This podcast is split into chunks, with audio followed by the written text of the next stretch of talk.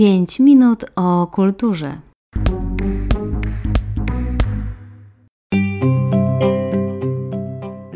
Dzień dobry Państwu. Dzisiaj zapraszamy Państwa na wystawę Niewidoczne Historie warszawskich służących. Jest to opowieść o kobietach pracujących i mieszkających w Warszawie na przełomie XIX i XX wieku. Wystawa ta jest prezentowana w Muzeum Warszawy na rynku Starego Miasta 32.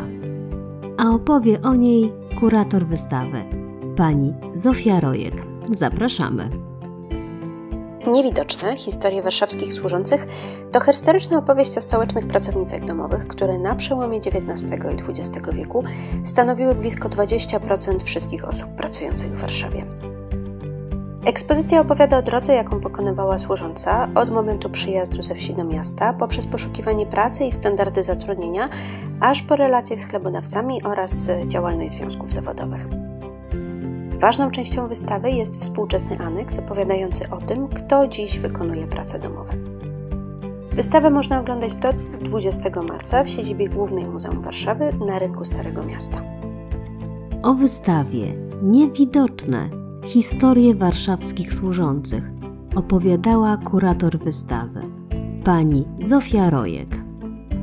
A my się już żegnamy. Do usłyszenia za tydzień.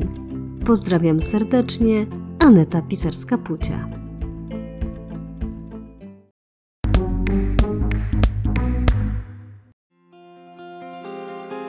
Słuchasz Radia Motyw.